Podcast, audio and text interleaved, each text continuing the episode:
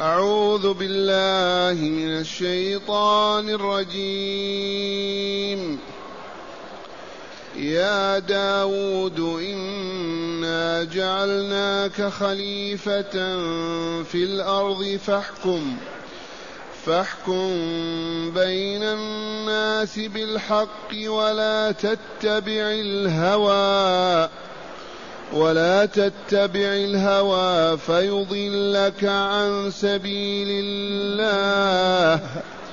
إن الذين يضلون عن سبيل الله لهم عذاب شديد. لهم عذاب شديد بما نسوا يوم الحساب. وما خلقنا السماء والارض وما بينهما باطلا ذلك ظن الذين كفروا فويل للذين كفروا من النار أم نجعل الذين آمنوا وعملوا الصالحات كالمفسدين في الأرض كالمفسدين في الأرض أم نجعل المتقين كالفجار؟ كتاب أنزلناه إليك مبارك ليدبروا آياته ليدبروا آياته وليتذكر أولو الألباب. أحسنت. معاشر المستمعين والمستمعات من المؤمنين والمؤمنات. أعيد إلى أذهانكم أن الصور القرآن يصبح صاحبها حيا بين الناس يسمع ويبصر يأخذ ويعطي يذهب ويجيء لكمال حياته.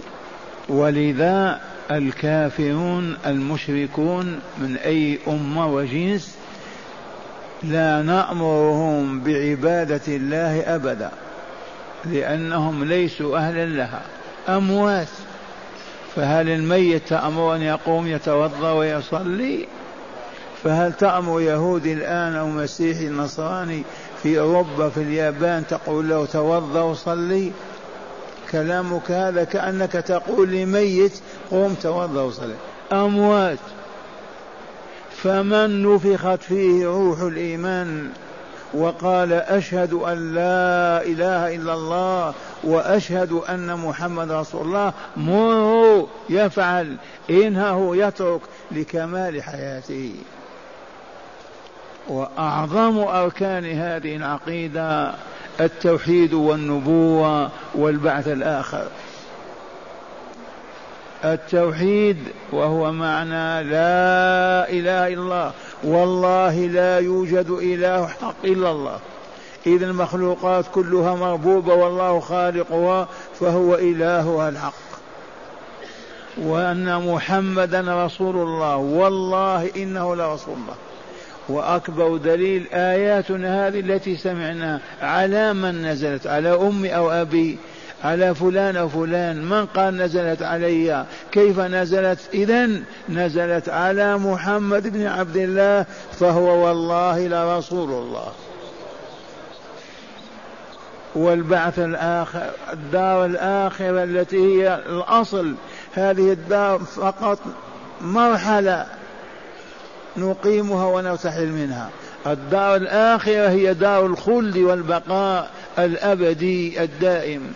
أما إذا دار ساعات مات فلان وانتقل فلان دقت الساعة وانطوت السماوات وذابت وذابت الأرض وانتهت. ولكن الحياة الآخرة أهل الإيمان وصالح الأعمال في العليين في الفراديس العلا وأهل الشرك والمعاصي والفسق والفجور في الدركات السفلى. وتبقى هكذا الحياة.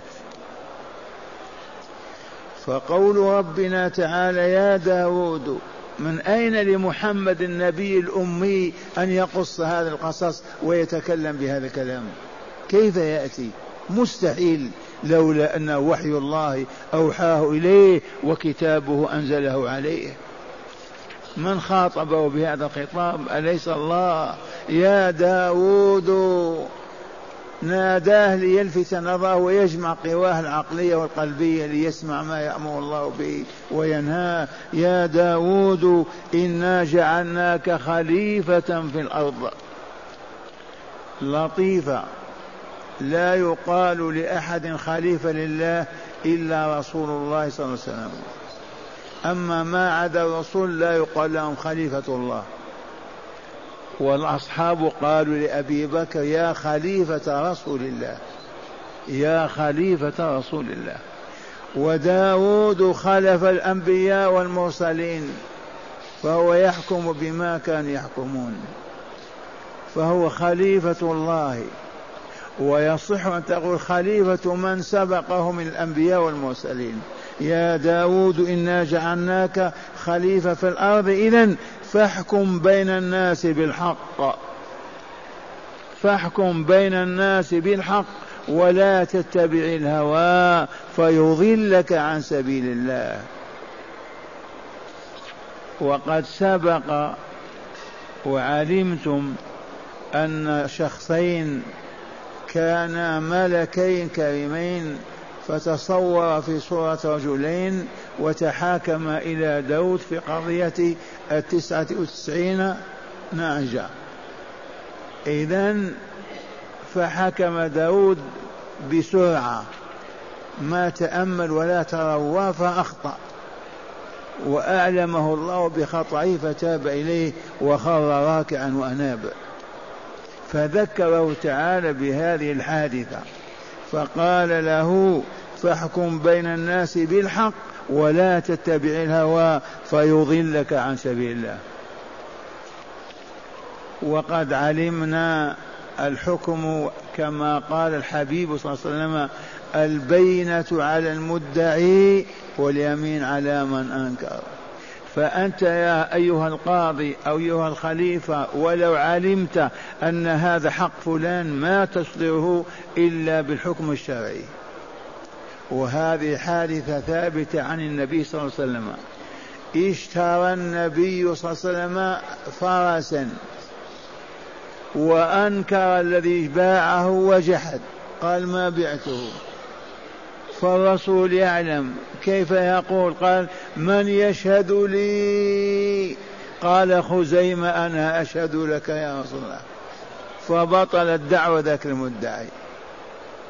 انتبهتم قد يكون منافقا. باع الفرس بعد أراد أن يحتال. فالرسول يعلم أنه اشتراه وإلا لا ولكن أي البينة؟ فلا بد من شاهد. فقال لأصحابه من يشهد لي؟ فقال خزيمة أنا أشهد. فأخذ الرسول الفرس أو الحصان وبطل دعوى المدعي. والشاهد عندنا البين على المدعي واليمين على من أنكر. فكونك تعلم أن الحق لفلان هذا ما يكفي. لا بد من بين وشهود. فقال تعالى لداود عليه السلام يعلمه يا داود إنا جعلناك خليفة في الأرض فاحكم بين الناس بالحق. في أية قضية من القضايا لا بد من الحق ولا تتبع الهوى وتميل ما تريد أنت أو شهوتك أو هواك فيضلك عن سبيل الله. اتباع الهوى يضل عن سبيل الله. وسبيل الله الطريق الموصل إلى رضوان الله عز وجل. إن الذين يضلون عن سبيل الله خبر عظيم هذا. اسمع اسمع. إن الذين يضلون عن سبيل الله يخرجون عن طريق الإسلام يخرجون عن طريق الحق والعدل يخرجون عن طريق الصدق والوفاء. هؤلاء لهم عذاب شديد.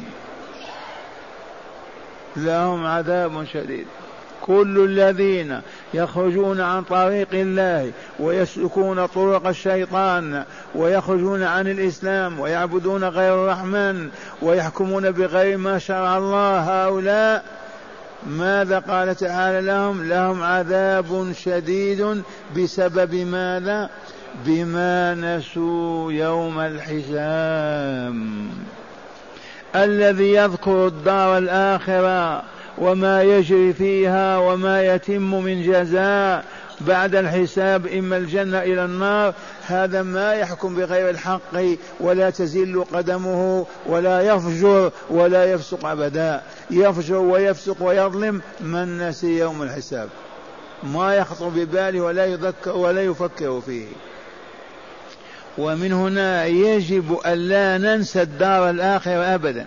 طول حياتنا طول اليوم والليل. فهي العصمة فمن نسي الموت وما يتم له فيه وما يجري عليه يوم القيامة يفجر يفسق ولا يبالي.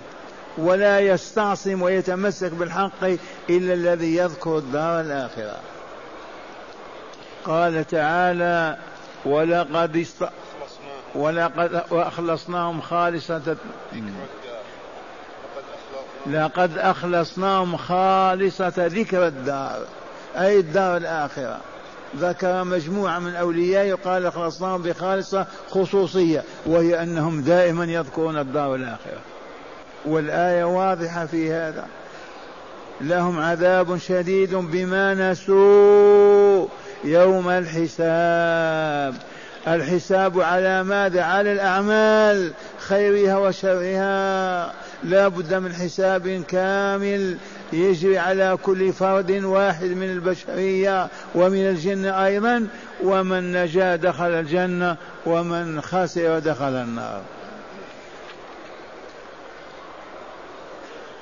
يا داود إنا جعلناك خليفة في الأرض فاحكم بين الناس بالحق ولا تتبع الهوى.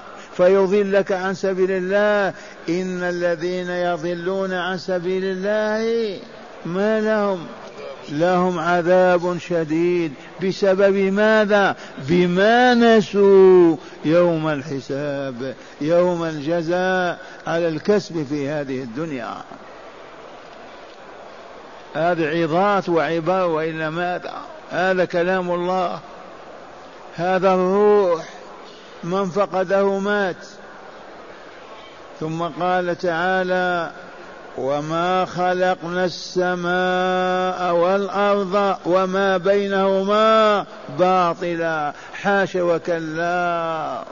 ما خلقنا السماء والارض وما بينهما لا لشيء للعبث واللهو والباطل أعوذ بالله. كوكب فقط واحد ما يخلقه عبثا. فكيف بالسماء وما فيها؟ فكيف بالأرض وما فيها؟ خلقها لله واللعب تعالى الله عن ذلك علوا كبيرا. هذا معتقد المبطلين الهابطين الراسخين بالأرض. العلمانيين والبلاشفة الحمر ومن إليهم من الناس. ما يفكرون لما خلق الله هذه السماء لما خلق هذه الأرض لما خلق هذا الذي مخلوق لما لما يجدون جواب خلقهم عبثا يعني لهوا وباطلا. تعالى الله عن ذلك علوا كبيرا. فقال تعالى وما خلقنا السماء والأرض وما بينهما من المخلوقات باطلا. ذلك ظن الذين كفروا. الكافرون هذا ظنهم لا لشيء. خلق هذه الخلائق كلها لا لشيء. يعني عبثا وباطل لهوا. أيعقل هذا؟ أيستخدم امرؤ ذاك أنثى عقله في هذا الكون ويقول خلق فقط للهو والعبث مستحيل. وما خلقنا السماء والأرض وما بينهما باطلا. ذلك ظن اعتقاد من؟ الذين كفروا. كفروا ما معنى كفروا؟ جحدوا وجود الله جحدوا كتب الله جحدوا رسل الله جحدوا لقاء الله جحدوا شرائع الله ما اعترفوا بها. هؤلاء هم الكافرون. هم الذين ينظرون إلى الكون كله ولا لشيء إلا للعبث واللهو. ذلك ظن الذين كفروا ثم قال تعالى فويل للذين كفروا من النار. فويل للذين كفروا من النار. ما هي النار؟ ما هي النار؟ موفور من الافران هذه.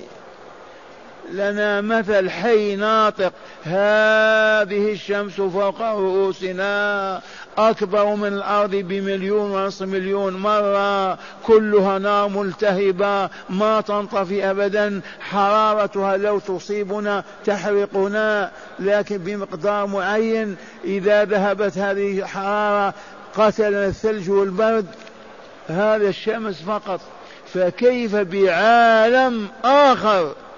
أكثر من الشمس ملايين المرات. سفلي ومن أراد أن يفكر أيضا كما أقول ضع راسك بين ركبتيك. وفكر أنك نازل نازل نازل نازل, نازل إلى أين؟ نازل نازل نازل. ملايين السنين إلى أين؟ إلى الجحيم إلى عالم الشقاء.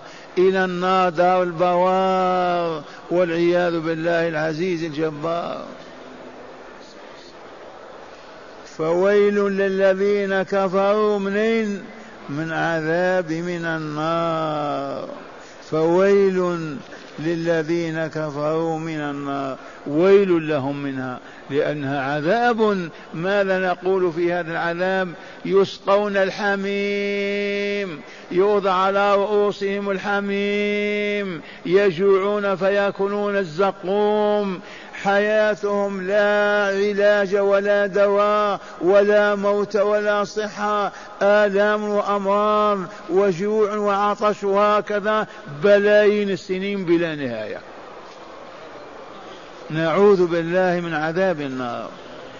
احمدوا الله أنكم أهل لا إله إلا الله.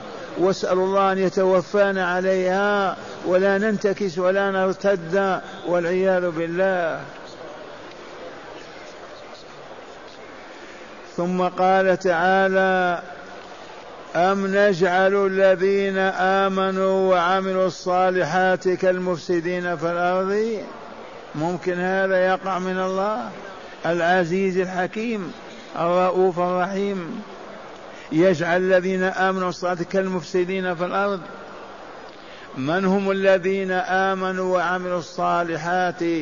من عهد آدم إلى يومنا هذا من آمن بالله ولقائه آمن بالله ورسله آمن بالله وكتبه آمن بالله وقضائه وقدره ثم عمل الصالحات أي امتثل أوامر الله ما أمر الله بفعله فعله ما أمر الله بقوله قاله ما أمر الله باعتقاد اعتقده. هذه الصالحات أهل هذا الإيمان والصالحات في الفراديس العلا. السعداء. كيف يجعلهم كالمفسدين في الأرض؟ من هم المفسدون في الأرض؟ اللصوص المجرمون الغشاشون الخداعون المرابون سافك الدم سفاك الدماء. هذه أهل الأذى للمؤمنين والمؤمنات عبدة الأحجار والأصنام والشهوات. كلهم مفسدون في الأرض. كل من ينشر القبح والشر والفساد والشرك والباطل في الأرض ومفسد يفسدها. كيف يقول تعالى أنجعل الذين آمنوا وعملوا الصلاة كالمفسدين في الأرض أم نجعل المتقين كالفجار؟ حاشاك يا ربنا حاشاك يا مولانا أن تجعل المفسدين كالأبرار المتقين. حاشاه. هكذا يذكر العقول والقلوب.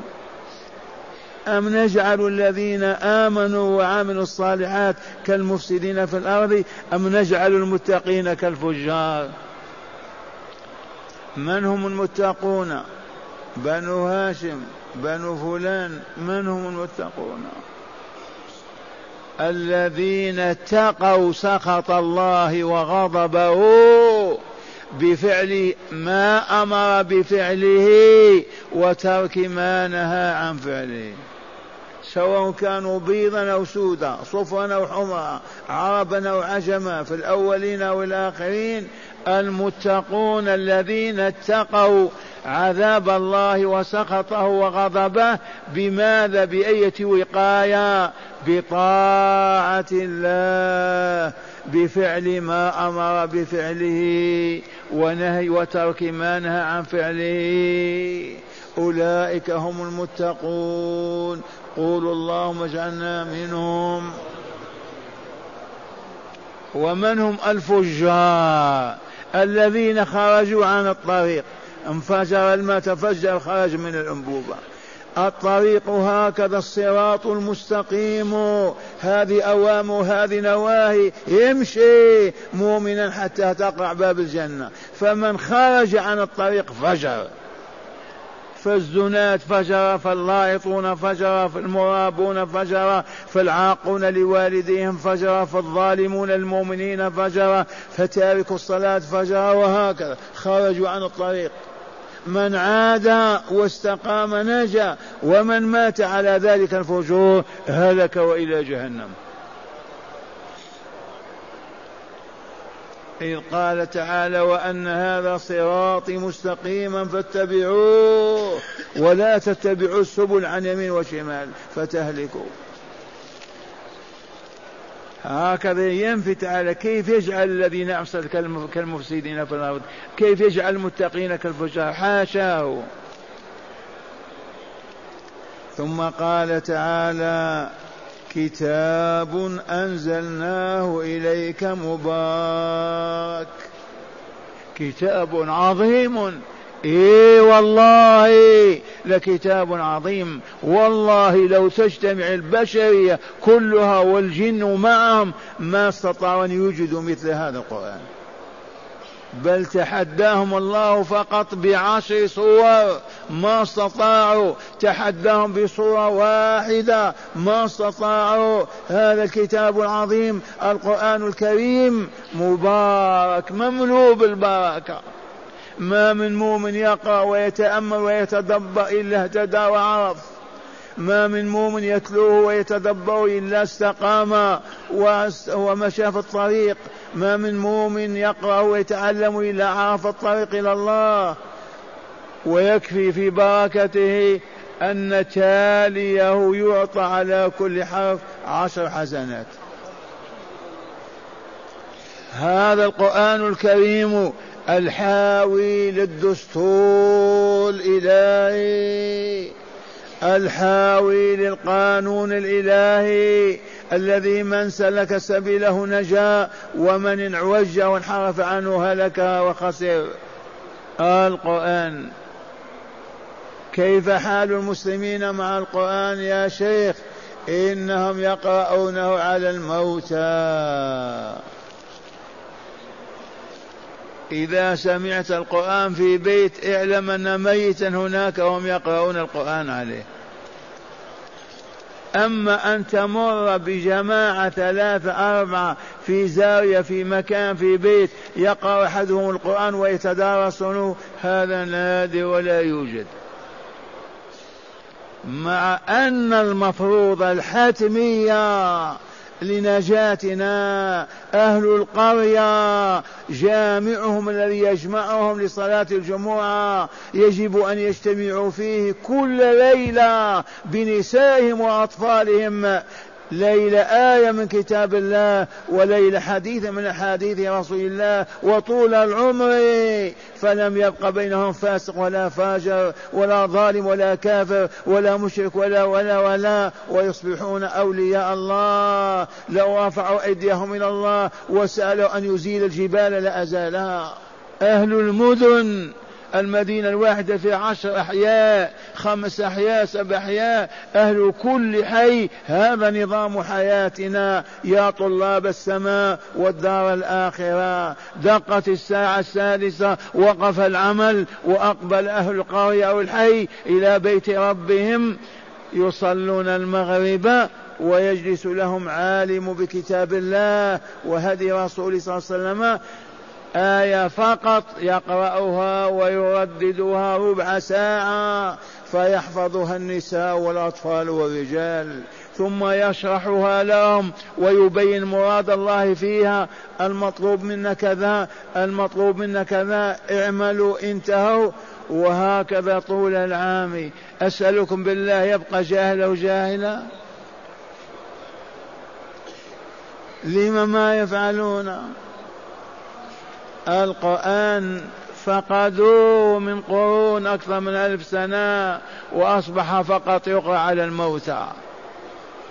هذا الكتاب المبارك حرمه المؤمنون بواسطة أعدائهم وخصومهم وصرفوهم عن القرآن وإلا القرآن سماه الله روحا واقرأوا قول الله تعالى وكذلك أوحينا إليك روحا من أمرنا.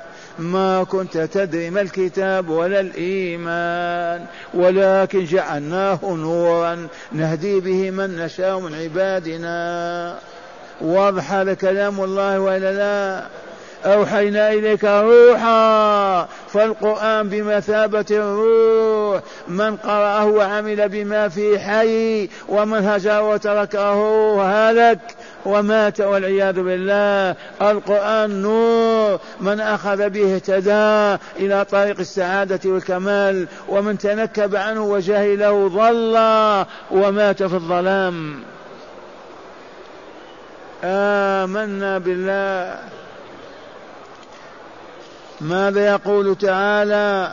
كتاب أنزلناه إليك مبارك ليتدبروا آياته وليتذكر أولو الألباب لا ليقرأوا على الموتى. ليتدبروا آياته ويتفكروا فيها ويذكرون ما لهم وما عليهم من حق وواجب فيعبدون الله فيكملون ويسعدون. اللهم اجعلنا منهم مع هداية الآيات. بسم الله والحمد لله. الصلاة والسلام على رسول الله صلى الله عليه وسلم.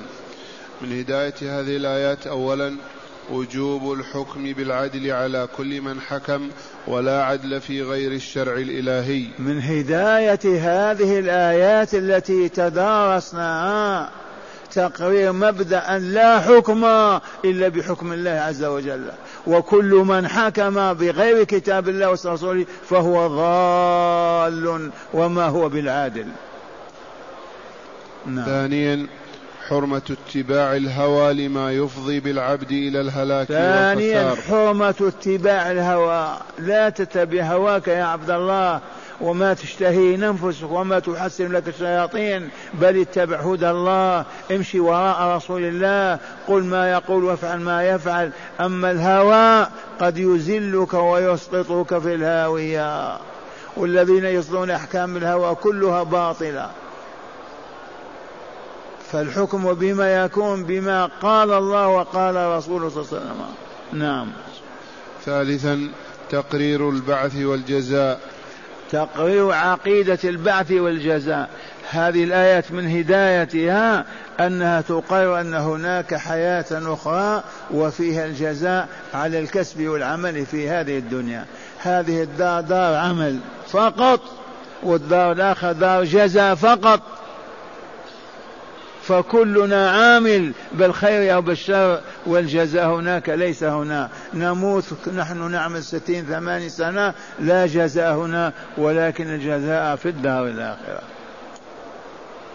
رابعا إبطال ظن من يظن أن الحياة الدنيا خلقت عبثا وباطلا. إبطال نظرية الملاحدة والعلمانيين والذين يفهمون أن الدنيا خلقت عبثا فقط له باطل. يغنون ويزمرون ويرقصون ويأكلون وينكحون هكذا فقط ظن الحياة خلقت. هذا ظن الذين كفروا.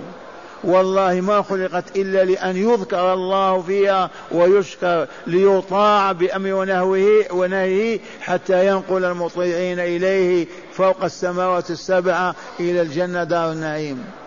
ما هناك له ولا باطل ولا عبث. نعم. خامسا تنزيه الرب تعالى عن العبث والظلم. تنزيه الله تعالى عن العبث واللهو والباطل. حاشا لله أن يقول أو يعمل باطلا أو لهوا أو عبثا. تعالى الله عن ذلك علوا كبيرا. وما خلق سما بينهما باطلا كما هي الآية. نعم. سادسا فضيلة العقول لمن استعملها في التدبر والتذكر. من هداية هذه الآيات فضيلة العقول لمن استخدمها واستعملها. وأصبح يعرف بها الحق من الباطل والخير من الشر والضلال من الهدى. أما الذي يهمل عقله وينساه ويتبع شهوته وهواه فهو هابط مع الهابطين وهالك مع الهالكين. لا بد من استخدام العقل بالتفكر والتأمل والتدبر. يستغمر عليك. لما خلقت أنت؟ لا بد لشيء للأكل والشرب. الأكل والشرب ليبقى حياتك فقط. أنت مخلوق لعلة. ما هي؟ أن تذكر الله وتشكره. وذلك بطاعة وطاعة رسوله صلى الله عليه وسلم. نعم. وأخيرا بركة القرآن لا تفارقه أبدا وما طلبها أحد إلا وجدها. اي نعم. بركة القرآن لا تنتهي مملوء بالبركة. كل من طلب الهداية وجدها فيه من طلب العلم وجده فيه من طلب الاستقامة هداه إليه من طلب الأجر الحرب بعشر حسنات أما أن يقرأ على الموتى فهذه مكرة ثالوثية من المجوس واليهود والنصارى. حولوا المسلمين من القرآن إلى الباطل ومن الحق إلى الباطل. واستحالوا واحتالوا ونجحوا والعياذ بالله. وإلى الآن ما زال المسلمون ما يجتمعون على كتاب الله إلا نادرا.